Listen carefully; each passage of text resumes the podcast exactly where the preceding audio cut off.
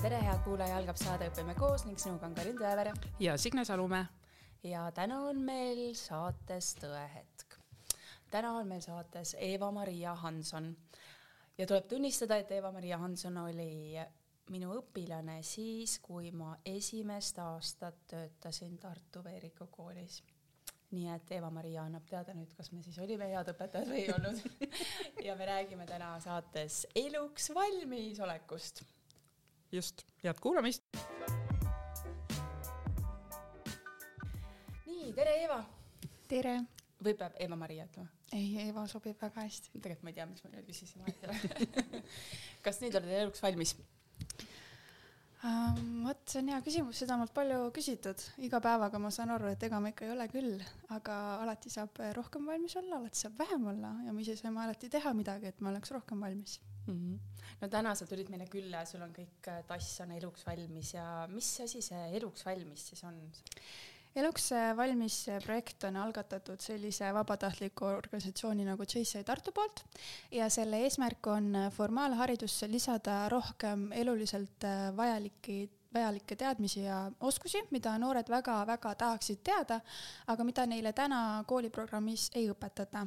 ja selle raames siis me tegime kümne peatükilise e-õpiku e, e-käsiraamatu, kus ongi siis kõik neid äh, teemasid alates kodu koristamisest kuni investeerimiseni välja käsitletud ja see, see tähendab, et e-õpik, see siis tähendab seda, et te kogu aeg uuendate ja täiendate seda, et selles mõttes on ta kogu aeg nagu updated. ja selles, sellepärast me ei tahtnudki teha paberõpikut või mingit muud pabervormis äh, käsiraamatut või kogumikku, et äh, kuna maailm muutub nii kiiresti ja ka ühiskonnaõpetuse õpikuid väga ei taheta enam printida, sest selleks ajaks, kui nad sealt äh, trükikohast välja tulevad, on seal mingi info juba vana, et siis jah, see on e-koolikotis kättesaadav kõigile tasuta veebiformaadis mm. -hmm. kas seda kasutavad ka õpetajad näiteks mingis äh, kuidagi lõiminguks või see on nagu õpilastele siis oma vaba aja, ajale peab leidma selle aja, et seda sirvida? see võib olla mõlemat, aga meie projekti peamine eesmärk on see, et äh, koolitundides juba käsitletaks neid teemasid rohkem, ehk siis me oleme selle kirjutanud, äh, kokku kogunud rohkem õpiku vormis, et õpetaja saaks sealt lugeda tal on ka vastav ülesanne, mis seda kinnistab, järgmise peatüki lugeda, see kuidagi õpilastele ette kanda ja nii edasi ja nii edasi. aga see ei välista muidugi seda, et õpilane ise võiks seda sirvida ja sealt endale kasulikku informatsiooni leida mm. -hmm. aga see eluks valmis, sa ütlesid, et kümme peatükki, et kas see on piisav või on tegelikult juurde vaja? No neid peatükke oleks seal lõputult, kui meil inimressurssi ja ajaressurssi oleks lõputult, et äh, neid teemasid, äh, mis äh, tulevad elamiseks väga palju kasuks, on kindlasti tohutult palju veel, aga esialgu me oma küsitluse põhjal, mille me läbi viisime valisime need kümme teemat sellepärast, et need tundusid kõige aktuaalsemad ja kõige vajalikumad mm. -hmm kas see on midagi, mida inimeseõpetuse õpetaja siis äh, kasutab või kõikide ainete õpetajad äh, saavad sealt materjale? no me ise arvame, et kõige rohkem ühiskonnaõpetuse õpetajad ja ka just äh, inimeseõpetuse õpetajad, kui näiteks on juttu suhetest, inimestevahelistest konfliktidest, millest ka käsiraamatus juttu on aga samas äh, saab ju matemaatikat lõimida väga hästi investeerimisega, raha eelarvestamisega ja nii edasi, et seda lõimumist saab väga paljudes ainetes teha. no sa tõid näite koristamisest, siis on see põhimõtteliselt see äh, kodundus ja käsitöö, eks ju, et äh, põhimõtteliselt sa tegid praegu vigade paranduse siis sellele kooli ajal mitte õpitud ja omandatud oskustele tegid nagu ise õpiku siis, jah? mina vajas? ei teinud, meil on tiimis kuskil kuuskümmend liiget, kes kõik selle nimel tööd tegid aga jah, selle eesmärk oligi see, et täita ära need lüngad, mida õpilased äh, tahavad teada, võib-olla mida nad ei tea, et neil on vaja teada, sest nad ei ole võib-olla kuulnud niisugustest asjadest, võib-olla mõnel teeb kodus ema ära, võib-olla ei tehtagi kodus selliseid asju, aga võib-olla kui ta läheb kunagi üksinda elama, siis ta ei tea, et saaks paremini, sest ta ei ole sellest kuulnud või ta mm ei ole sellest sõpradega rääkinud mm. -hmm. ja kaua sa eluks valmis on nii-öelda toimetanud? Me alustasime kaks tuhat kakskümmend aasta päris, päris lõpus mm. -hmm ja nüüd ähm, kuskil jaanuaris vist, kui ma ei eksi, siis äh, ah, veebruaris, kahekümne neljandal veebruaril avaldasime selle nii-öelda täismahus õpiku, mis oli siis meie selline vaheverstapost kümne peatükiga, et siis läks see täitsa avalikuks kõigile kättesaadavaks mm. Ja kas see programm hakkab nüüd kuidagi arenema mingis uues suunas, et on juba mingid uued mõtted ka või see on nüüd valmis ja lihtsalt täiendate ainult seda sisu? no ma tahaks väita, et see ei ole kunagi valmis sest et äh, ühiskond muutub nii palju, need äh, aktuaalsed teemad, mis meil parasjagu maailmas on, muutuvad nii palju, et äh, alati peaks sinna midagi juurde lisama, alati on sinna midagi juurde lisada. Lihtsalt see sõltub sellest, et kas meil on eestvedajaid, kas meil on tegijaid, kas meil on vabatahtlikke piisavalt palju, et seda kõike teha aga mu siiras usk on see, et see kindlasti ei jää, see projekt siia pidama et sellel on väga palju äh, ambitsiooni veel väga kaugele jõuda ja meil on tegelikult väga-väga ambitsioonikad mõtted, kuhu see võiks jõuda. Aga eks elu näitab. no kui ma vaatan seda tassi ja seda, seda logo, siis ma nagu mõtlen, et noh, see on nagu sisuliselt võiks mingi laager olla, et eluks valmis, vaata. et äh, selline teema lihtsalt sellepärast see. aga sa juba mainisid, et äh, see programm Eluks valmis on tegelikult JCI Tartu poolt Äh, välja mõeldud ja tehtud ja mis asi see JCI siis on? Äh, JCI on selline ähm, vabatahtlik äh, organisatsioon, eesti keelde tõlgituna ettevõtlike noortekoda, see on ülemaailmne, see tähendab, et meil on väga paljudest riikidest üle maailma liikmeid kokku umbes kakssada tuhat ja Eestis on siis üks selle nii-öelda haru. JCI Estonia on Eesti rahvuslik koda. JCI Estonia jaguneb veel mitmeteks kodadeks ja JCI Tartu on siis üks nendest JCI Estonia kodadest. ja selle organisatsiooni eesmärk on on liikmete eneseareng ja tuleviku liidrioskuste arendamine. ehk siis selle jaoks, et neid oskusi arendada ja et ise areneda inimesena ja kodanikuna ja liikmena, me teeme erinevaid projekte, nagu näiteks Eluks valmis äh,, erinevaid algatusi, võib-olla nägite Facebookis Aitäh tervishoiutöötajad raami, kui tuli koroona, siis äh, see on samuti JC Tartu loodud raam, et tänada siis tervishoiutöötajaid. Erinevaid äh, sündmusi korraldame, mm, võib-olla keegi on kuulnud Rat Race'ist, mis toimub Tallinnas mm, -hmm. et see on samuti JCI projekt ja erinevaid koolitusi ja, ja selliseid lähedaid koosviibimisi network imiseks lähedate inimestega no mina pidasin ka ennast üsna ettevõtlikuks inimeseks, aga mina ei teadnud sellest varem, et millal see loodi või, või, või kui kaua see on tegutsenud JCI? see organisatsioon loodi äh, Ameerikas, ma tegelikult, ma ei julge aastaarvu praegu öelda. Äh,, aga kuskil seal neljakümnendatel.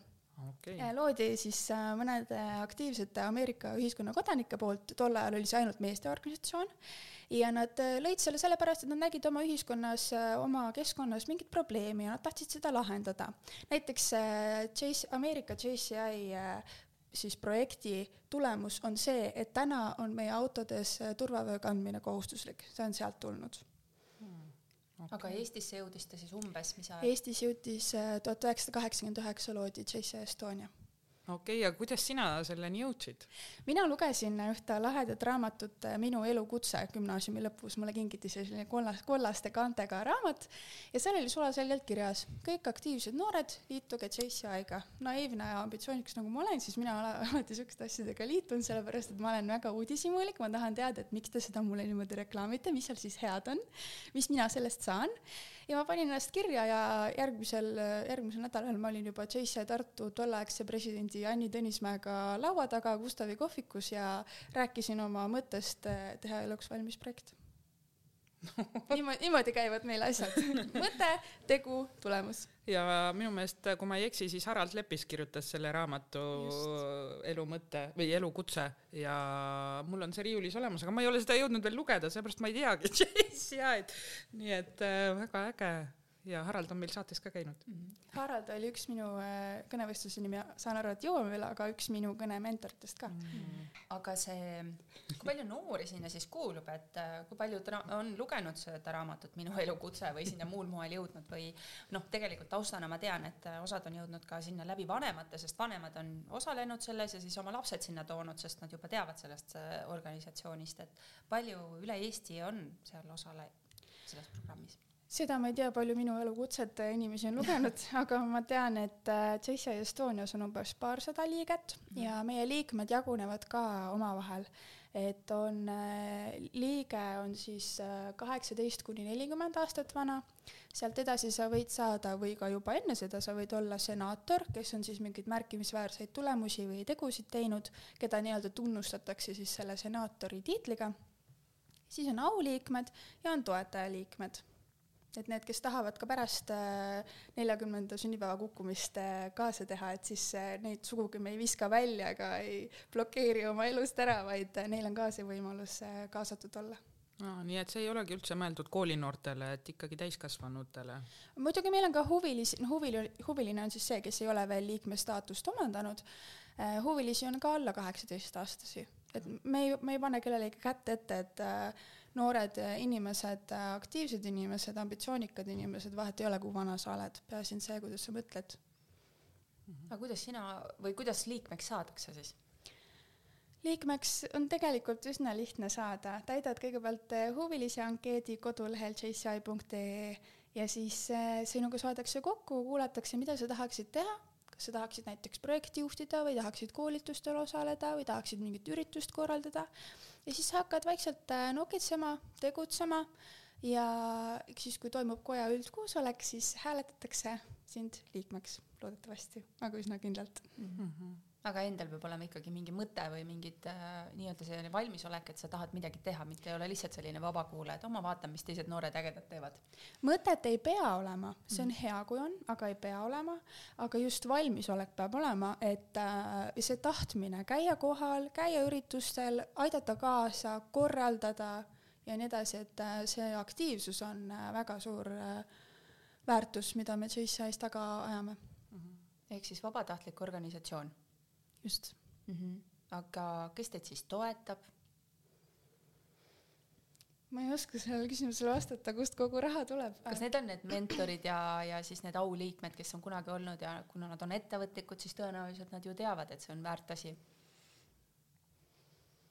no kõige mm, nagu põhiväärtus selle JCI puhul minu jaoks on see, et me teeme kõike liikmetelt liikmetele mm -hmm. ehk siis me korraldame üritusi peamiselt oma liikmetele, me teeme projekte võib-olla väljaspoole, võib-olla JCI-sse, me teeme koolitusi oma liikmetele. ja mis siis, et meie selle eest nagu raha ei saa, kes korraldavad, siis äh, see ring on nagu selline väga aktiivne ring, et üks teeb ühele, teine teeb teisele ja sellest saavad kõik omakorda kasu mm. -hmm. no ja nüüd äh, just äh, hiljaaegu toimus teil kõnevõistlus. no kõnevõistlus on ja iga-aastane selline võistlus, siis avaliku esinemise võistlus tegelikult ametliku nimega. ja iga riik valib endale esindaja, ehk siis JCI Estonias oli ka kõnevõistlus, mille ma võitsin, see oli siis aastakonverentsi raames. Äh, ehk siis JCI Estonia igast kojast on loodetavasti üks esindaja ka järgmisel aastal JCI Estonia kõnevõistlusel, JCI Estonia kõnevõistluse võitja läheb esindama JCI Estoniat JCI Euroopa kõnevõistlusele selle ma ka nüüd äh, Belgiasse juuni alguses võtsin, ehk siis mina saan minna JCI Euroopat esindama JCI maailmakõnevõistlusele äh, Hongkongi oktoobri lõpus. no palju õnne! aitäh, aitäh! Eesti ei ole kusjuures kunagi võitnud seda, nii et see on Väga. päris, päris suur asi kogu Eestile. aga Euroopa oma? Euroopa oma ei ole võitnud, kusjuures Haraldist võib siin rääkida, et Harald Nii osales Euroopa kõnevõistlusel, ta jäi teiseks, aga kuna esimese koha võit, võitja ei saanud miskipärast minna maailmavõistlusele, siis Harald läks tema asemel, nii et Harald on tegelikult maailmavõistlusel käinud, aga võitnud ta ei ole tegelikult. no ja mis häid nippe ta siis sulle kaasa andis sinna? oota, küsime ennem teema, et mis oh, teemal jah. sa pidid rääkima ja kui pikalt ja äh, Euroopas oli kaks vooru, oli eelvoor ja finaal, kokku oli kaheksa võistlejat koos minuga. Äh, eelvooru teema oli sustainable tourism ehk siis jätkusuutlik eh, turism lühidalt öeldes, kuigi see teema oli kilomeeter pikk umbes. ja finaali teema oli efektiivne delegeerimine ja kuidas see nagu siis aitab eh, arendada teiste inimeste eh, liidrioskusi tulevikuks ja kui pikalt sa pidid siis kõnelema seal üksinda? seal on, reeglid on päris karmid, sa võid rääkida minimaalselt viis minutit, maksimaalselt seitse minutit. kui lähed üle või alla selle, on kohe diskvalifitseeritud mul oligi niimoodi, et ma tulin eelvoorust välja sain aru, et ma ütlesin eh, thank you peale seitse minutit sildi tõstmist ja ma läksin eh, uksest välja, hakkasin lihtsalt nutma, sest ma, ma olin nii kindel, et ma saan disk, disklahvi mm.. Õnneks see nii ei läinud nagu me täna teame. aga pinge oli päris suur, sest et äh, noh, kui sa räägid kõne kodus peegli ees ja kui sa räägid kõne lava peal, siis see on võib-olla väga erinev. minul on selline äh, harjumus rääkida esinedes äh, pigem aeglasemalt, sest mulle meeldib väga pause teha, rõhutada mingeid lauseid ja sõnu, mis minu jaoks on olulised ja mis aitavad seda mõtet paremini edasi kanda. ja siis juhtuski niimoodi, et väga-väga äh, napilt jäin sinna ajapiiridesse, kohtunikud veel küsisid, et kas see ka oli, aga õnneks oli ja kes on kohtunikud sellisel, kas ka need oma JCI liikmed siis või keegi väljastpoolt? Ja kohtunikud äh, valitaksegi JCI liikmete seast siis Euroopa võistlusel rahvusvahelised ja kuna sel aastal äh, tahtis äh, Belgia esindaja rääkida prantsuse keeles, siis pidid need kohtunikud oskama nii inglise kui ka prantsuse keelt. kuna JCI-s on neli ametlikku keelt, siis inglise, hispaania, prantsuse ja jaapani, et siis võib neljas keeles rääkida. oh, ma pean siin kohe ära küsima küsi, kas küsi. sa rääkisid äh, inglise keeles või hispaania keeles? ma rääkisin inglise keeles, aga ma mõtlesin välja, et kui ma peaks kunagi veel juhtuma sinna, siis võib-olla, et oleks põnev, sest ma räägin hispaania keeles mm.. no hispaania keel, me teame, et äh, Eva-Maria õpib äh, ülikoolis hispaania keelt ja kultuuri ja sellisel kõnevõistlusel, kus on sadu osalejaid ja kus on, kus on see rahva hulk on nii suur, et peab olema ka mentor, et äh, sa juba mainisid, et Harald Lepisk oli sinu mentor, et mis nõuandeid ta sulle näiteks andis? tegelikult mul oli kokku lausa kuus mentorit, et selliseid suuri asju kindlasti üksi ei tehta ja vahest ka kahekesi mitte, et et see väärtus, äh, mis Chase minu jaoks ka on, et kõik inimesed aitavad sind nii, kuidas nad oskavad, sa lihtsalt pead oskama seda abi vastu võtta ja valima sealt võib-olla mitte kõike, võib-olla sul ei ole kõike sealt vaja, valima need killukesed, mis sind edasi viivad. ja samamoodi ei pea kogu tagasisidet vastu võtma ja, ja nii-öelda tõe pähe võtma, mis sulle öeldakse. Äh, aga üks, üks nipp, mis mulle ütles äh, mentor äh, Enes Eidla, kes on JC Tartu senaator, et ma ütlesin, et mul läheb nagu suu kuivaks, kui ma pikalt pean rääkima, ütles, et mõtle sidruni peale. toimib, proovisin järele mm. -hmm. kõne kirjutasid ikka ise või see oli kõne ka selline koostöö? see, selles mõttes, et kõne on lihtsam ette kanda, kui see on sinu enda kirjutatud.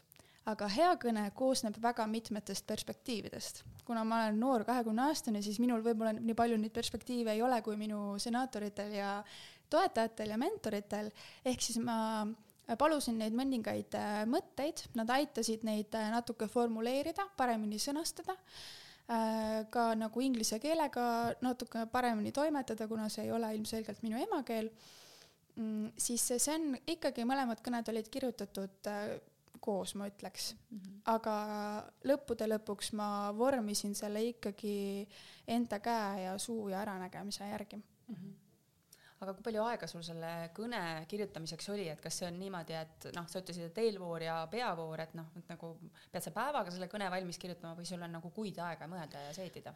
Uh, ideaalplaanis vist öeldakse kaks nädalat ette mõlemad teemad uh,. meil uh, jäi see natuke toppama, mina sain need umbes poolteist nädalat ette ja need poolteist nädalat ma kirjutasingi suht päevatööd läbi, ma mäletan, kuidas ma nutsin ühel õhtul arvuti ees, sest no ei tulnud lihtsalt mitte midagi ja see oli esimene kord, kui ma elus, kui ma mõtlesin, et äh, võib-olla see ei ole minu jaoks, võib-olla, võib-olla ma ei ole selle jaoks võimeline äh,. aga jah, selle kõne kirjutamise peale läheb ilmselgelt äh, kõige rohkem aega, see esitlus on nagu teine teema, aga sellega ma olen nagu mitte kogenud, aga ma tunnen ennast nagu esitlemise, ettekandmise osas äh, kindlamalt kui selle teksti valmis kirjutamisega. et siis see jäi sinna pigem viimastele päevadele, aga näiteks finaali, finaali ja eelvooru vahe oli vist äh, üks päev ja, ja selle ühe päevaga, mis seal vahel oli, ma põhimõtteliselt kirjutasin terve finaalikõne uuesti mm. -hmm. sest lihtsalt tunne oli selline, et, et nagu noh, tunde pealt kirjutamine on alati kõige õigem, nii kuidas süda ütleb, nii ongi õige mm. -hmm kas neid äh, kõnesid saab kuskil lugeda ka, on need avalikud või on salastatud? Äh, sa võid neid mult pärast küsida, ma võin sulle saata. ma päris neid avalikult üles ei paneks mm. -hmm. aga saab küll ikka. aga kõnel kirjutamisel on ka mingid äh, nipid, ma mõtlen, et kui sa noh, kõnevõistluse kõne on midagi muud kui sünnipäevalauas sünnipäevalapse õnnitlemine, eks ju, et mis need nipid on, need hea kõne nipid? Äh, senaator Kaire Valge ja üks ka minu äh, mentoritest kõnevestlusel ütleb alati, et äh, kõigepealt räägi neile, millest sa neile rääkima hakkad, siis räägi neile, millest sa rääkida tahad ja siis räägi, millest sa neile rääkisid. siis jõuab kõik hästi kohale kõigile. kas see on midagi, mida sa õppisid ka juba Tartu Veeriku koolis, et minu mäletamist mööda oli, on siiamaani seal traditsioon, et üheksas klass ju korraldab ka kõnevõistluse et osalesid sa siis ja juba? jaa, selle kõnevõistluse ma ka võitsin, aitäh, et meelde tuletasid. ja, ja lennu lõpukõne tegin ka mina. et äh, jah, see on kuidagi juba sealtkaudu mul tulnud, et see kõnelemine, mulle muidu üldse väga meeldib esineda, mulle meeldib tähelepanu, ma tunnen ennast laval hästi, kuna mul on väga pikk tantsija kogemus, siis äh, minu jaoks laval olemine on selline noh, selline mõnus nauditav, adrenaliini tekitav, ma väga ei karda seda, kuigi natukene hirmu on hea alati, see aitab alati kaasa.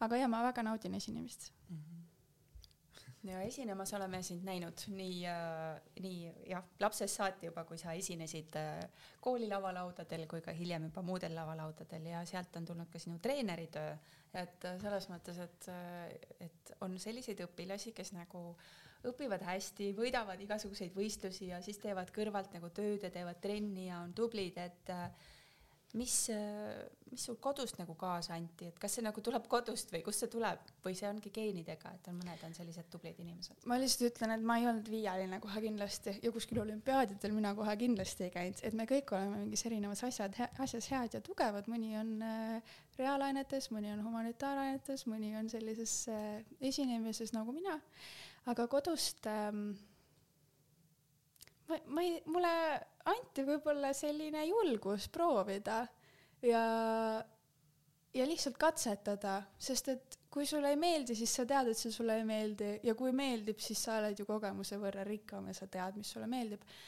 ja, ja ma arvan, et mul ongi lihtsalt geenides ema poolt siis see nagu selline väljaelamine, selline äh, nautimine ja esinemise mitte kartmine, aga samas valmidus ka ette valmistada ja tööd teha hea esinemise nimel.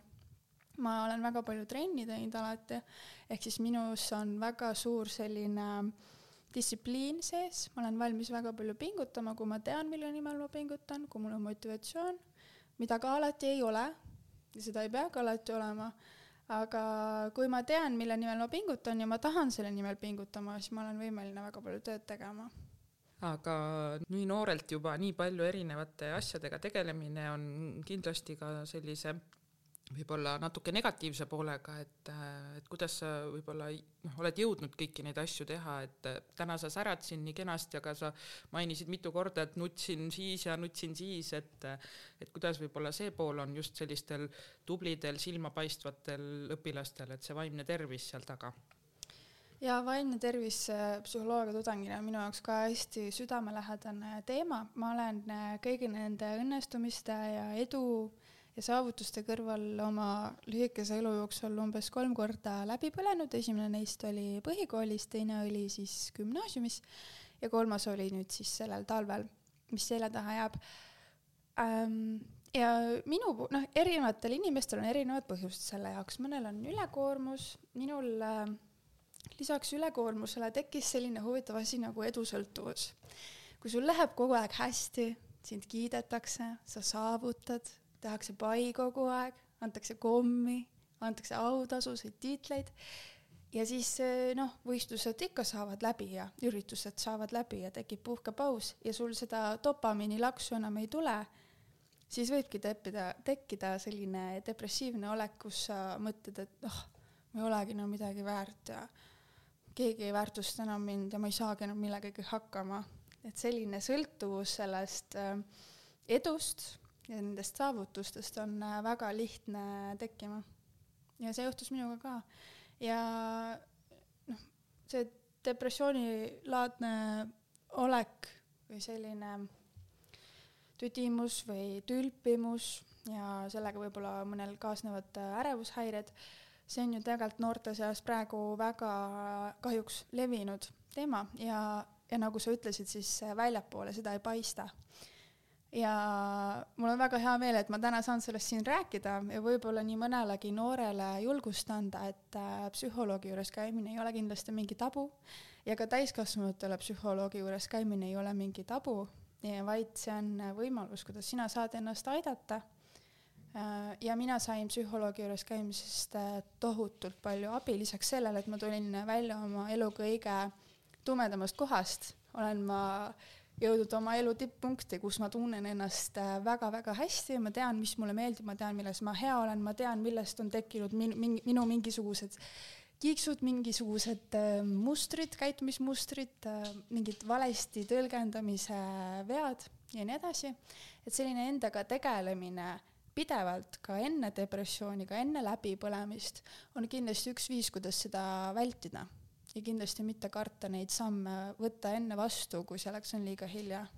et selline enda tundmaõppimine siis, et, et on, on oluline ka juba siis, kui veel ei ole midagi halba nii-öelda juhtunud, et mida paremini sa ennast tead, seda paremini sa oskad, oskad ju vältida ja aru saada, kui sinu jaoks on liiga palju. millal sa esimest korda jõudsid psühholoogi juurde, et sa ütlesid, et põhikoolis juba oli esimene selline läbipõlemine, et ma käisin äh, vist ma, ma, ma praegu võib-olla ajan sassi, sest ma tegin loovtöö ka psühholoogia teemalise. kas ma käisin seal psühholoogi juures sellepärast mm, -hmm. et ma mhm. käisin seal vastuvõtul, seda ma ei mäleta, aga gümnaasiumis käisin ma juba kindlasti koolipsühholoogi juures mm. -hmm. ja siis nüüd ma jõudsin äkki novembris, kaks tuhat kakskümmend üks siis novembris mm. -hmm. aga nüüd põhikooli tagasi mõtled, et kuidas siis see aeg möödus, et kui sa ei, ei käinud psühholoogi juures, et kes sind siis võib-olla toetas, aitas või pidid sa ise sellega lihtsalt hakkama saama? Ema kindlasti, ema on alati minu tugisammas olnud, temale ma räägin äh,, olen enamasti rääkinud kõike, sest me oleme väga-väga lähedased, me oleme äh, noh, kahekesi põhimõtteliselt üles kasvanud. Ja, ja mina olen näinud teda arenemas ja kasvamas ja tema samamoodi mind. Ja me alati püüame üksteisele väga toeks olla. ja tol ajal kindlasti või noh, tegelikult kogu aeg on minu elus väga tähtsal kohal olnud sport, et täna ka ma lähen trenni, kui mul on hea tuju, ma lähen trenni seda tähistama, kui mul on halb tuju, ma lähen sellest äh, üle saama, kui ma ei tunne mitte midagi, siis ma lähen ikka trenni, sest et siis ma tulen alati hea tujuga välja. Ja mul on väga palju spordialasid, mida ma naudin, et äh, igalühel muidugi oma viis sellega toimetulekuks. Ähm, ja kõige parem võib-olla ongi sellest äh, murest, mis sul on, või mõtetest rääkida võimalikult paljudele inimestele, sest et igal inimesel on eri, erinev nii-öelda seljakott, millega ta, mis perspektiivi ta, perspektiiviga ta sellele olukorrale vaatab, mis võib sulle mingit väärtust äh, lisada. nagu ma saan aru, et sageli need inimesed ise ei saa aru, et nad äh, nad ei oskagi sõnastada, eks ju, et, et midagi on halvasti, et lihtsalt ongi must auk, eks ju. et et mida lähedased peaks märkama. et äh, noh, sa ütlesid, et väliselt on just kõik hästi, eks ju, et äh, kõrvalseisjad, et mis on need märgid?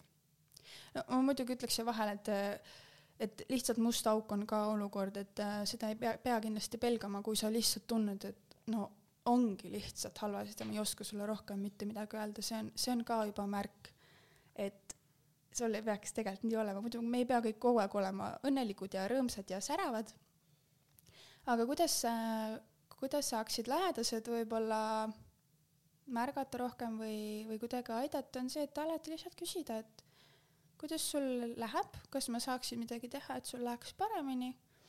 ja, ja ole, ole teadlik, et kui, kui sul on midagi vaja, et siis ma olen sinu jaoks alati olemas. et ma olen valmis kuulama sind, et, et jaga mulle oma muret või või midagi sellist siis. kuulamine on üks väga-väga raske oskus, mida tuleb palju harjutada. et iga kuulamine ei ole kuulamine ja kuulmine ei ole kuulamine. et kui sa leiad enda ümber need inimesed, kes oskavad sind kuulata, võib-olla isegi ei pea mitte midagi ütlema mm. -hmm. ja üks asi, mida mu psühholoog mulle soovitas, et et kui sa räägid kellegagi oma murest, siis sa võid ju enne talle öelda, et tead, täna ma näiteks tahan, et sa lihtsalt kuulaksid, ära palun midagi ütle ma lihtsalt räägin sulle oma selle asja ära, mis mul kõik mu sees on ja sa ei pea mitte midagi ütlema, võib-olla kallistama või äh, mul oleks palve, et kui ma sulle ära räägin, et siis sa annaksid sellele oma perspektiivi või mingi vaate või kui ma sulle selle ära räägin, kas sa palun saaksid äh, midagi teha näiteks, et alati ei ütle, mida sa temalt ootad või kui sa ei tea, mida sa ootad, siis seda võib ju ka öelda. nii on palju kergem kuulata. jah, et ei pea, muidu ju hakkad kohe nõu andma või mingit oma, oma lugu sinna otsa rääkima. aga kas äh, võib-olla need teemad olid ka põhjuseks, miks sa psühholoogiat õppima läksid ülikooli või kust see huvi tuli? kindlasti, kindlasti. üldse kõik lapsepõlve kogemused, mis mul on olnud äh, on andnud sellele tõuke, et ma olen nagu huvitatud sellistest äh, inimtüüpidest ja kuidas inimesed omavahel resoneeruvad ja käituvad ja millised konfliktid võivad tekkida. Koolikiusamine on minu jaoks hästi mm, oluline teema, mul ei ole õnneks sellega väga äh, suurt kokkupuudet, aga see ka mind hästi puudutab, et äh, ma tean seda tunnet, et ma ei, ma tean, ma tean, et ma ei taha, et mitte kedagi kiusataks ja ma tean, et see ei ole võimalik. ja ma tean, et mõnest küljest see ka nagu natuke rikastab seda koolielu ja seda ühiskondlikku äh, läbikäimist noorte inimeste vahel. Aga kuidagi jah, kooliajast äh, jäi kõrvu ja silma see, et äh, ma ei taha, et mitte keegi selles olukorras peaks olema. ja võib-olla ma ükskord, kui ma lõpetan ma magistri psühholoogia alal, siis ma saan midagi selle ajaks ära teha no meie eelmine salvestus oli siin sellest, kus äh, rääkisime, et et äh, koolikiusamine kui selline on nagu Eestis hästi populaarne teema ja hästi palju räägitakse, aga et, et see ei pruugi olla alati igas riigis nii, et äh, sõna koolikiusamine ja sellised teemad, et noh, need ei ole teemaks nagu selles mõttes, et võib-olla jah, kedagi on kunagi midagi juhtunud, aga see teema on nagu lõpetatud ja kõik, et ei ole sellist pidevat, et et noored ei suutnud, ei suutnud nagu mõista seda, et miks sellest koolikiusamisest nii palju peaks rääkima nagu mingis teises kultuuriruumis, et järelikult on võimalik, et äh, selline ühiskonnaruum ka, et võib-olla meil on veel Eestis nii-öelda sellises äh, kasvukingade faasis on ju, et kus me otsime iseennast ja oma kultuuri, oma identiteeti, et et ei pea alati kellestki teisest parem olema, et kõik võivad ka lihtsalt võrdsed olla. et aga ma arvan, et see on lihtsalt selline ühiskondlik järk, aga mõtleme positiivselt.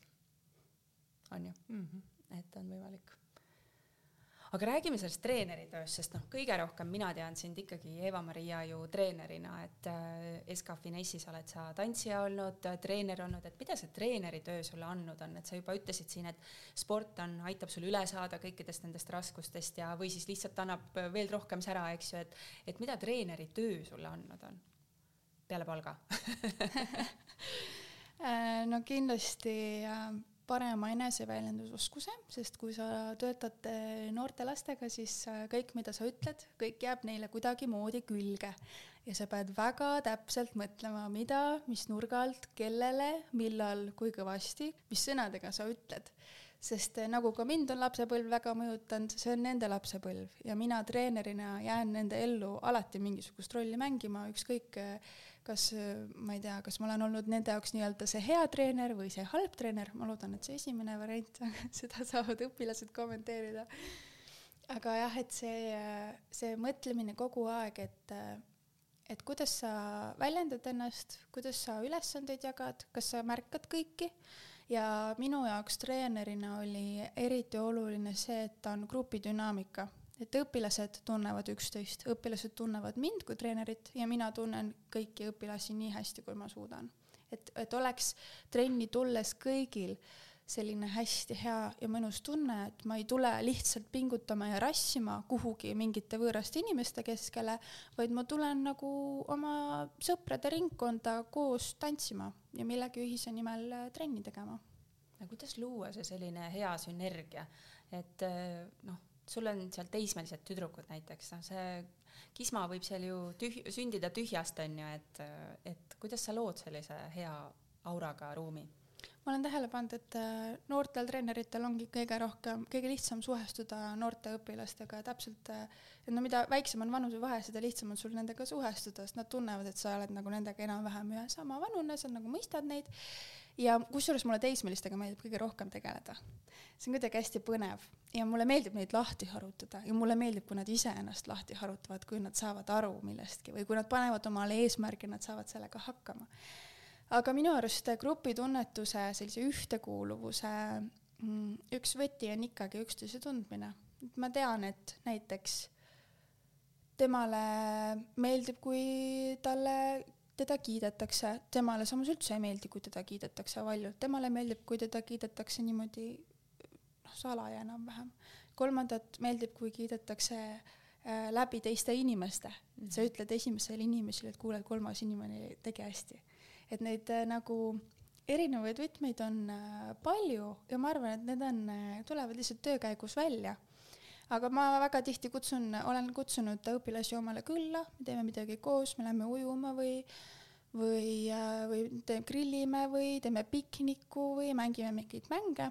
Ja ma olen hooaja lõpus enamasti teinud ka sellise hooaja tagasisidestamise enesereflektsiooni ringi et kõik äh, mõtlevad, mis nad sellel hooajal õppisid, mis nad hästi tegid, mis nad oleks saanud paremini teha, mis neile meeldis, mis neile ei meeldinud, mis järgmine hooaeg võiks teha paremini.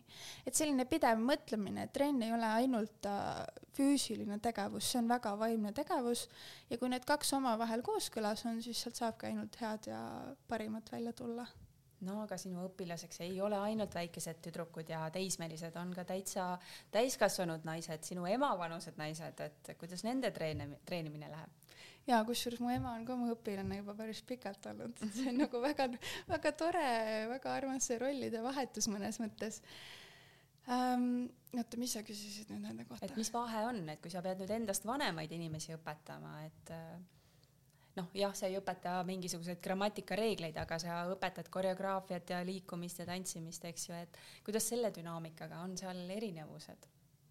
mul on õnneks selles mõttes vedanud, et et kõik mu äh, täisealised õpilased on mind väga respekteerinud, nad näevad, et ma tean, mida ma teen, nad äh, Nad on valmis alati mu mõtteid proovima, aga samas õnneks nad on alati ka olnud piisavalt julged, et oma mõtetega väärtustada seda loomekeskkonda, mis meil trennis on, et kui me uut äh, koreograafiat äh, mõtleme või õpime, et nad julgevad alati küsida, nad julgevad ka mind parandada, sest ka treener on inimene, ka treener eksib äh, väga palju vahest, kui on halb päev, ka treeneritel on halbu päevi et siis nad eh, on alati julgenud mind parandada, võib-olla selles mõttes täiskasvanutega on selles mõttes lihtsam, et nad nagu mm, mõistavad kiiremini, natukene efektiivsemalt võtavad neid uusi asju omaks ja samal ajal oskavad ka mõelda, et et kas see on ikka nagu õige selles nii-öelda koreograafia plaanis. me oleme käinud ju väga-väga suurtel pidudel, tantsinud esiridades, kus on väga keerulised koreograafiad eriti võib-olla mõni naine, kes ei ole kunagi oma elus tantsinud, aga on võtnud kokku julguse ja tulla teha seda oma neljakümnendates või viiekümnendates. vot neid inimesi ma respekteerin, kes julgevad veel, veel äh, uusi asju proovida ja nii-öelda hüpata külma vette. see on väga lahe.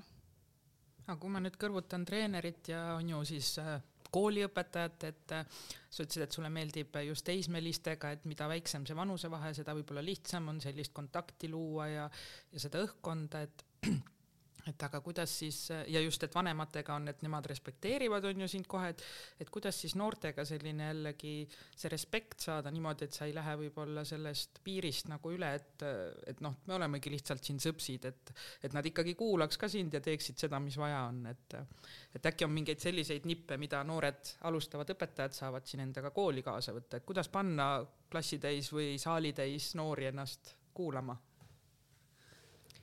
ma arvan, et äh, mitte arvata, et äh, treener või õpetaja on neist kuidagi parem, sest ükski inimene ei ole kellestki teisest kuidagi parem, me kõik oleme võrdsed, nagu Karin ka enne ütles. me võiksime olla võrdsed.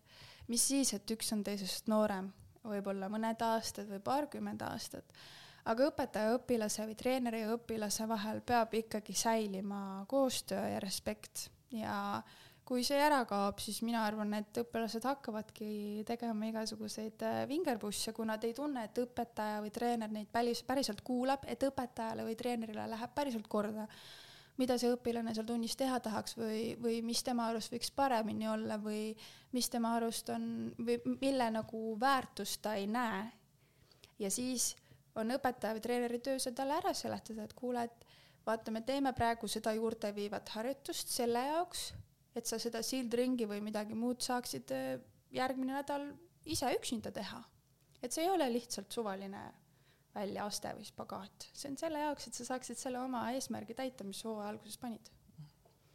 nii et selline siis austus oma õpilaste vastu ja selgitamine ja, ja rääkimine, et, et äh, see on võib-olla siis sellised võluvõtmed nii-öelda. no kommunikatsioon on kõige võti, ma muidugi ei väida, et alati õpetajatöös selleks alati aega on, ma usun, et ei ole. aga noh, inimene, kes tahab oma tööd teha maksimaalselt hästi, veendudes äh, selles, et nende õpe, õpilased on nende tunnis rahul ja õnnelikud, siis ma arvan, et selle aja alati leiab kui me nüüd jõuame hispaania keeleni ülikoolis, siis äh, kui sealt nagu vaadata, siis tants ja et see noh, kuidagi seos tundub loogiline võib-olla, et hispaania muusika selline ja tants, et hispaania keel, aga et, et kuidas tegelikult sa jõudsid siis selle hispaania erialani? see tuli kuidagi lapsepõlvest, me käisime äh,, seal on kaks põhjust, emaga me käisime reisil, ma arvan, et see oli Tenerifel, enne seda käisime veel mandril ka perega reisil Hispaanias jälle lapsepõlves tekkis mingi klikk, onju, et seal on vahva, seal ema-isa ei tee tööd, seal on soe ilm, seal saab ujuda. ja, ja teisest küljest see, et kui ma tulin äh, algklassidesse koolist koju seal kella kahe-kolme ajal, siis jooksid Mehhiko seebikad telekas ja siis sa tahad natuke puhata ja siis sa vaatad neid Mehhiko seebikaid ja ilus keel oli Mm -hmm. et sealt kuidagi, see on nii loomulikult mulle, mulle kuidagi külge jäänud, et mu sõbrad ka alati vanemad sõbrad, kes mind teavad, mõtlevad ka, et issand, nagu Eva-Maria, et no kogu aeg on see hispaania keel olnud, et kas sa sündisid sellega või mis värk sellega on mm? -hmm. aga mis sul võib-olla sellised äh, mõtted on, äh, kuhu selle keelega siis edasi liikuda, et sa mainisid, et siin õpetajatöö peale oled mõelnud ja et, et siin see treeneri töö ja et kas sa juba mõtled selle peale või sa pigem lähed praegu, vaatad, kuhu elu sind viib ja pigem jah, see viimane variant, et äh, ma vaatan, kuhu elu mind viib, ma, ma lihtsalt äh, õpin seda hispaania keelt praegu sellepärast, et see on mu kirg. ma väga tahan seda osata nii hästi, kui ma olen selleks suuteline. ja ideaalis, äh, kui ma nüüd unistan, siis ma teen äh, kuskil ettevõtjana tööd mingis firmas, mis annab mulle ka võimaluse hispaanlastega suhelda, hispaania keelt rääkida või, või Hispaania turul, turul olla, et ettevõtlus on ka selline äh, teema, mis äh, mind on hästi saatnud juba gümnaasiumist alates, kui me tegime õpilasfirmat. et äh, mul on selline ettevõtja hing, ma usun, ja hispaania keel sellega siduda ei oleks ju üldse raske. kas äh, Hispaanias on ka JCI? Hispaanias on Kataloonias JCI. ahah, okei okay,, nii et. tuleb üks lisakeel juurde õppida ja just konverentsil käisime siis ka hispaanlastega, kataloonlastega, vabandust, sain tuttavaks, et siis selliseid äh, suhteid on nagu hästi palju kerge tekkima JCI-s, kui sa käidki väliskonverentsidel, et äh, ma, üks mu põhjus, miks ma tahan äh, väga käia väliskonverentsidel edaspidi ka, ongi see, et äh, nii palju saab erinevaid keeli harjutada, inimesi, erinevaid rahvusi tundma õppida, näiteks järgmise aasta Euroopa konverents toimub Rumeenias, kus ma pole mitte kunagi käinud.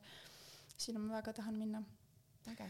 ma tuleks hoopis teise teema ja. juurde, et äh, ülikoolis, et äh, kui meie käisime noh ülikoolis, siis sa läksid mingit konkreetset eriala õppima, aga sina nüüd rääkisid, et äh, sa ülikoolis õpid ühte asja, siis on kõrvaleriala ja üks on hispaania keel, teine on psühholoogia, no okei okay,, need ei ole päris öö ja päev, öö ja päev, aga ikkagi need on ju täiesti erinevad erialad, et mismoodi see üliõpilase elu nagu toimib noh, nii palju kui mina koroonaõpilane seda ülikooli elu tean, mina läksin äh, kaks tuhat kakskümmend ülikooli. nagu me teame, siis, siis see koroona algas, ma olen väga palju sellest äh, tudengielust olnud tegelikult kodus, et ma ei oska võib-olla seda tudengielu kõige paremini kommenteerida aga humanitaarvaldkonnas on hästi palju selliseid erialasid, just keele erialasid, kus sa saadki, sul on valik äh, kõrvaleriala jaoks, see on mingi maht EAP-sid ehk siis äh, ainepunkte. Äh, minu eriala puhul on see vist kuuskümmend ehk siis üks kolmandik kogu bakalaureuseõppe punktidest. sa saad valida mingi muu teema, millega sa taha, tahad tegeleda, see võib olla ka, ma ei tea, IT või matemaatika või midagi sellist, et see ei pea üldse sarnane olemagi. ja see ongi selle jaoks, et et lisaks sellele keeleoskusele võiks ju olla mingi praktilisem või mingi selline, ma nüüd ei diskrimineeri kuidagi mitte kedagi, aga selline lisaoskus ka, millega sa võib-olla saad seda keelt tulevikus siduda või võib-olla sa tahad seda minna edasi õppima, et psühholoogia on minu jaoks olnud äh, alates põhikoolist juba selline huvi aga kuna ma kandideerisin Tartu Ülikooli, Tartu Ülikooli saab kandideerida kahele erialale, ma kandideerisin kehalisse kasvatusse ja sporti, kuhu ma sisse ei saanud, ja siis hispaania keelde, sellepärast et lihtsalt mitte käsi ei vääratanud, aga lihtsalt süda ütles, et et ma ei peaks vist seda psühholoogiat sinna ikkagi panema. aga ma olen ikkagi lõpuks siin psühholoogia juures, nii et kõik teed on õiged, ükskõik kuhu nad viivad mm. -hmm lihtsalt huvi pärast küsin, et kas see oli sinu jaoks nagu oluline ka, et äh, nii Tartu Ülikoolis ma saan õppida nagu kahel, noh, põhimõtteliselt nagu kaks eriala võtta või uurisid sa nagu teisi ülikoole ka või näiteks välismaal ülikoole, et äh, või oli ainult Tartu Ülikool oli üks valik? ma tollel hetkel ei olnud veel valmis äh, perest eemale kolima ja sellepärast oli suht äh, Tartu Ülikool ainuke valik, ma kandideerisin äh, tervishoiukõrgkooli ka, kuhu ma sain tegelikult sisse.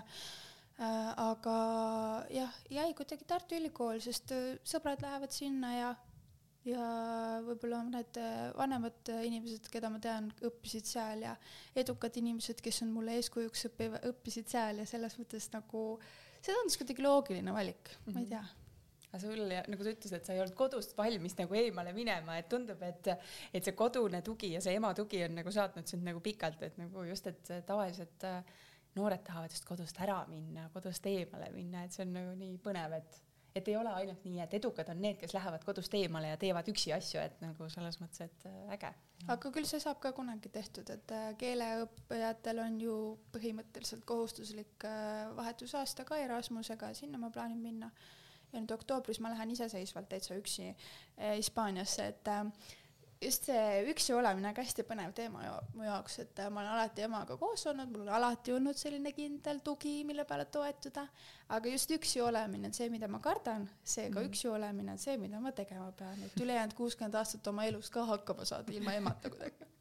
ja huvitav ongi mõelda, et ringiga tagasi sinna algusesse, et see eluks valmis projekt on ju, et, et kui sa siin nüüd räägidki seda lugu, et, et ema on olnud tugi su kõrval ja et nüüd sa siis lähed sisuliselt esimest korda niimoodi üksinda ja, ja kaugele, et et, et, väga huvitav kuulda, kuidas see nii-öelda saab täisringi või selles mõttes minu, minu peas sinu jutt, et, et kuidas sa oled arenenud, et me ikkagi oleme Kariniga su endised õpetajad ja, ja koolis koos olnud, et tore on näha, kuidas sa oled kasvanud ja sirgunud ja, ja põnev on jälgida su teekonda, et, et kuhu sa siis lõpuks äh, välja jõuad, et mis iganes see siis äh, on, mida sa tegema hakkad kunagi, et, et sa leiaksid selle, selle, mis sulle, et sa saaksid jätkuvalt tegeleda sellega, mis sulle meeldib ja et seda läbipõlemist siis enam ei tuleks niimoodi et sa oled nii palju nüüd seda kogenud ja, ja õpid, õpid ka teooriat äh, juurde sellele, et siis äh, oskad seda tulevikus ennetada. just see JCI roll siinkohal on ka võib-olla oluline mainida, et et noored, kes te võib-olla ei tea, mida te tahate teha või millega te tahate tegeleda või mis eriala teile meeldib või milles te olete head, et siis kogu vabatahtlikkus, vabatahtlik tegevus, mida te teete, on äh, selle jaoks, äh, selle teadmiseni samm edasi. et äh, vist enne mainisin ka, et ma ei teadnud, et ma tahaksin näiteks õpetada või koolitada, aga nüüd just nädalavahetusel tegin koos JCI Haapsalu presidendi Britaga esimese koolituse, rääkisimegi sellest, et kuidas me oleme nagu JCI-s nii-öelda karjääri teinud ja mida siin üldse on võimalik teha. ja, ja kogu see avalik esinemine, et ähm, ükskõik, kas sa teed midagi tasuta või, või tasuliselt, siis see teadmine, kuidas see sul läks ja kuidas inimesed sellele tagasisidet annavad, on üks samm edasi sinu eneseteadlikkuse teekonnal ja noore inimesena on väga oluline äh, teada seda, et kuhu suunas ma peaksin liikuma. Ja isegi kui sa seda ei tea, siis liigu kuhugi suunas, sellepärast et siis sa saad selle teada. Siis me saame mõne aasta pärast ilmselt teada, kuhu Eva-Maria jõuab, sest me Instagramis ju kogu aeg jälgime sul, hoiame silma peal. aga ikkagi veel Eva-Maria, sinul on nüüd äh, niimoodi, et sa oled ülikoolis, sa oled äh, põhikoolis sa käisid Veeriku koolis, gümnaasiumis käisid sa kus koolis Tartus? Hugo Treffneri gümnaasiumis. Hugo Treffneris. kas Eesti haridussüsteem tundub sulle nagu okei okay või? või, või peaks midagi ütlema, et seda ja seda peaks teisiti tegema? no ilmselgelt on juba kätte võtnud selle muutmise no, eluks e, valmis jah, projektiga. selles mõttes jaa, aga noh, et suures pildis on, on mingid teemad, vaata, mis noh, need jõuavad nagunii kooli, lihtsalt need lähevad, läheb aega, eks ju ja sellega ma olen nõus, et äh, läheb natukene aega, et äh, ühel hetkel peab see mingisugune suurem haridusreform toimuma, aga keegi ei tea, millal see juhtub, aga üldiselt on Eestis äh, kindlasti väga hea õppida, meil on väga hea õpetajakoolitus, noored õpetajad, õpetajad, kes tulevad, on väga-väga tasemel, nad on väga teadlikud ka psühholoogiast, sest nad on ise noored ja nad saavad aru, nad mõistavad. ja mina väga väärtustan seda, et meil on tasuta kõrgharidus enamus kohtades, et äh, me peaksime seda rohkem tähele panema, et igal pool maailmas see ei ole võimalik ja sellepärast ju tulebki nii palju Erasmuslasi ja, ja välistudengeid Eestisse, et siin on see tasuta kõrghariduse võimalus.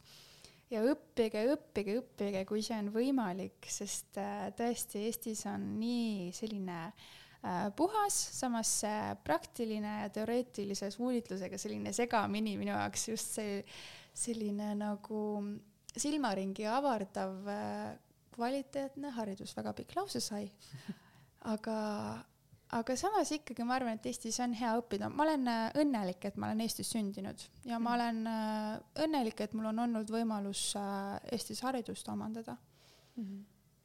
Et sul ei ole niimoodi, et sa mõtled põhikooli aastatele tagasi, mõtled, et noh, täiesti üheksa aastat mõttetut aega ja siis vaatad, mõtled gümnaasiumit ja mõtled, et issand jumal, mis me seal kõik tegime, et selles mõttes, et üldpildis oled sa nagu rahul, et või sul on nagu selline visioon, et vaat niimoodi peaks need asjad olema, et noh, jah, need eluks valmis asjad, et et äh, neid peaks nagu lõimima rohkem, et nagu selliseid elulisi ülesandeid kooli, kooli äh, rohkem tooma, onju, aga süsteem kui selline, et, äh, et sa oled rahul, et selline koolisüsteem on, oli sul?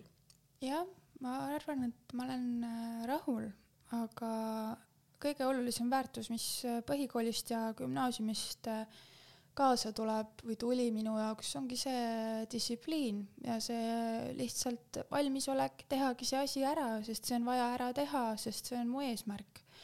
Ja kindlasti äh, see keskkond, kus me kasvame, mõjutab meid väga palju ja kui su ümber satuvad head klassikaaslased, ambitsioonikad sõbrad ja sa ümbritsed ennast õigete inimestega, siis äh, juba see väärtus, et sa saad nendega iga päev koos käia koha peal koha peal õpetajale otsa vaadata, siis see on väga-väga oluline. no kes on need sinu tugisambad olnud peale ema? sellised, kellele sa vaatad alt üles ja kelle moodi sa tahaksid olla? Tahad nimesid või?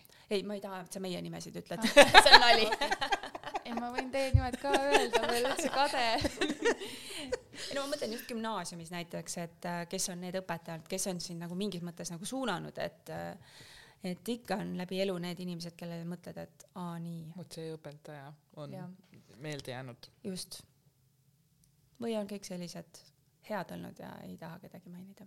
Me tahame lihtsalt õpetajatele pai teha, sest kõigile meeldib, kui neile pai tehakse. muidugi. ja kui veel õpilane ütleb, see on ju kõige suurem selline tunnustus. teate kõik õpetajad on head õpetajad, igalt õpetajalt on midagi õppida, igalt õpetajalt on midagi kaasa võtta, me peame lihtsalt asju märkama aga täna ma olen rohkem selles kohas, kus ma osta, oskaks just äh, Chase Rice'it öelda, kes on nagu need inimesed, kes äh, on mulle kuidagi midagi juurde andnud või, või meelde jäänud või andnud minule mingi võimaluse ja, ja nendeks on kindlasti ähm, mentorid, kes aitasid äh, kõnet ette valmistada ja kõige rohkem oli, oli mulle seal kohapeal toeks Annet Muru kes ütles mulle enne finaali, kui ma olin äh, finaali ajaks haigeks jäänud, täpselt ukse taga ma seal põhimõtteliselt surin. Ja köhisin vaheldumisi, ütles mulle, et Eeva Mere, et ei ole midagi, pead ennast kokku võtma, muud varianti praegu lihtsalt ei ole, sest seitse minutit sa pead hakkama saama.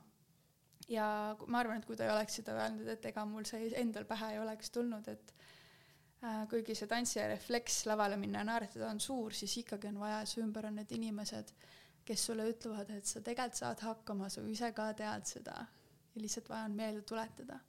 Ja kindlasti äh, ka Tšehhi Tartu senaator Kaire Valge, kes on äh, lisaks sellele, et ta superkoolitaja on äh,, oli ka mu mentor ja kes on lihtsalt mind elus nii palju edasi aidanud lihtsalt olles oma sellise emaliku pilguga ja, ja nõu ja jõuga alati abiks ja ja oskab nagu teises valguses asju mulle näidata, kust ma ise neid võib-olla täna veel ei näe, aga kus tema juba näeb.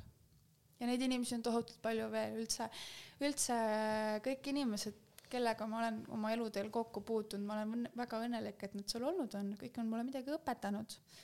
ja, ja JCI Estonia üldse on nagu imeline koht, kus on imelised inimesed koos, kes on kõik minuga nii sarnased, me tahame nagu midagi ära teha, mingit muutust luua, ühiskonda parandada, midagi muuta, et äh, nad on kõik siuksed aktivistid ja natuke hullukesed, aga samas ka peoloomad ja head inimesed südamest, et see on täiega minu koht ja ma usun, et et neid noori on veel üle ilma Eesti laiali, kes sobiksid meile väga-väga hästi, et ei pea üldse kõhklema ega kahtlema, kahtlema.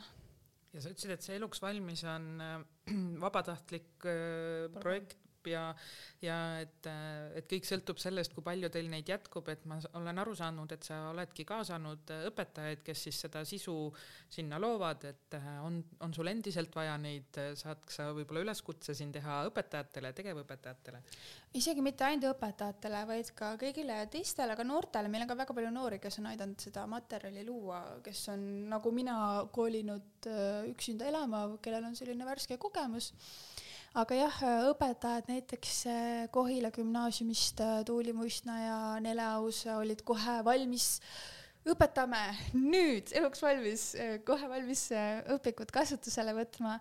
Ja neid koole on ju veel väga palju, et, et kes meiega nagu kaasa lõid. Ja me ootame teid väga pardale. soovitan kõigepealt vaadata seda õpikut netist e-koolikott.ee lehelt Eluks valmis ja, ja siis äh, mõelda, kus ja kunas ja kellega ja kellele neid äh, teadmisi edasi anda. ja alati väga julgustan, et äh, kui mõnel noorel või, või mitte nii noorel inimesel on mõte, mida võiks koolis õpetada või seal meie veebikäsiraamatus käsitleda, et siis aga palun kirjutame, teeme, mõtleme, loome koos. see annab ainult lisaväärtust tervitused siin Tuulile, Tuuli on meie kuulaja ja Tuuli, Tuuli on ka Jesse Tartu liige hästi,, hästi-hästi armas inimene. no aga selge, siis on Äh, lähme e-koolikotti uurima, kuidas eluks valmis saada, vaatame, kas meie oleme Signe eluks ja. valmis. kas me saame mingi testi ka seal teha, et nagu et see, et ähm, teeme ära, et kas me oleme nagu eluks valmis või ei ole või päris koondtesti meil veel ei ole, aga on mõned, äh, mõned ülesanded küll äh, iga peatüki juures. Instagramis on ikka need testid, ma ei julge kunagi vastata sest ma ei taha teada seda. aga siis sa ei saa ju õiget vastust ka teada, kui sa ei vasta. et ja Instagramis, kas mitte sinu klassiõde ei tee seda, ma ei saa nüüd öelda. Mari, Mari on, on turundusjuht. jah, et äh, teeb. ja väga just äh, tõesti soovitan Instagrami ka jälgida, et seal me jagame hästi lihtsasti haaratavaid selliseid nippe, et äh, ma ei tea, kuidas kodu koristada või kuidas raha, raha, raha rohkem kõrvale panna ja nii edasi, et mm -hmm. ikka vahest hea, kui Instagrami feed'il mingid praktilised asjad ka vahele tulevad. just. absoluutselt aga aitäh, Eva-Maria, et sa saatesse tulid ja edu sulle, et, et laienda seda asja siis, et äh, ikka meie ümber kõik eluks oleks valmis ja et kõigil läheks elu aina paremaks. aitäh, Eva-Maria! aitäh teile ka! ja palju edu siis äh, Hongkongis võistlustel! hoian pöidlaid! aitäh Kuulmiseni! järgmise korrani! JC Tartu on äh, praegu korraldamas ka aasta suurimat äh, hariduskonverentsi, mis toimub äh, kuueteistkümnendal septembril Tartus Raatuse koolis, kuhu tulevad siis kokku suured kuulsad Eestimaa haridusinnovaatikud Jaan Aru, Elina Malleus, Grete Arro ja räägivad õppimisest täna ja homme, kuidas me saaksime paremini õppida ja õpetada, nii et kõik õpetajad, kes täna siin podcast'i kuulavad, on kindlasti sinna oodatud lisainfot saab vaadata aastakonverents.ee kodulehelt.